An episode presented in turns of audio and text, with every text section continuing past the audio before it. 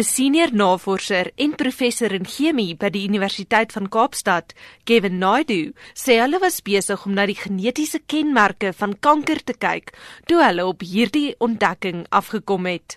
We came across this because the genes that we're looking at are genes that modify the molecules that coat every cell. And the molecules that coat every cell are these carbohydrates. And it's a very thick layer of carbohydrates. It looks almost like, uh, you know, somebody with an afro or whatever. so tumor cells are very different in their coating compared to normal cells.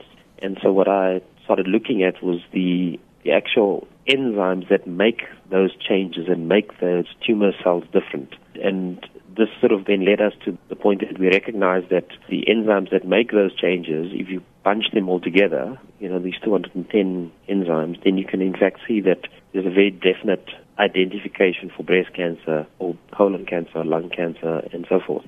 Naidu sê elkeen van die tipes kanker wat hulle geïdentifiseer het, het 'n unieke genetiese afdruk of uitdrukkingspatroon. Dit sluit in bors, kolon, long, nier, ovariale en breinkanker.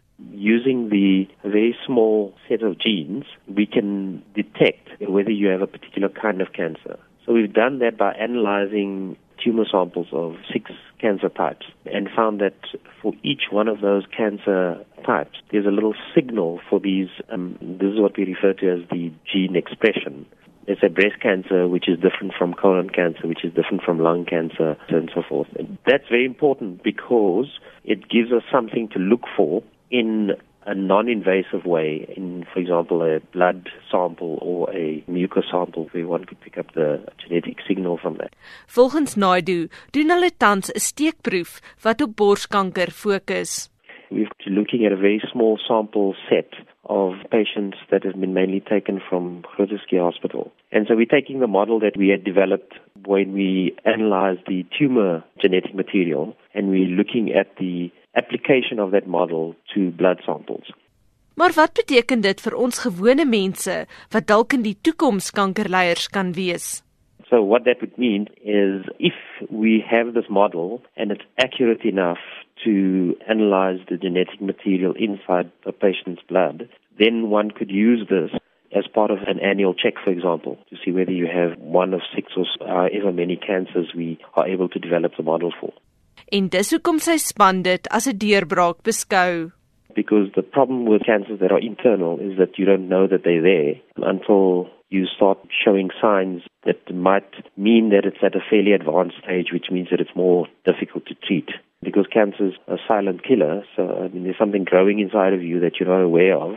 And it's not like when you have a bug growing inside of you or you have a spider bite where it hurts or you get a temperature. So you don't show those normal signs. The only signs that you really show is that you're tired and you tend to lose weight. And usually people don't really pay too much attention to things like that. You know, if you're tired, you find some other reasons why you happen to be tired. You know, you don't think that there could be something wrong with you. But what we're doing is we're trying to look into places where it's not visible to the naked eye, and that is by looking at the changes in your gene profile. And when we see those changes, then we know that a cancer might be present. Dit was Kevin Naidu, 'n professor in chemie by die Universiteit van Kaapstad. Ek is Anne Marie Jansen van Vuren vir SABC nuus.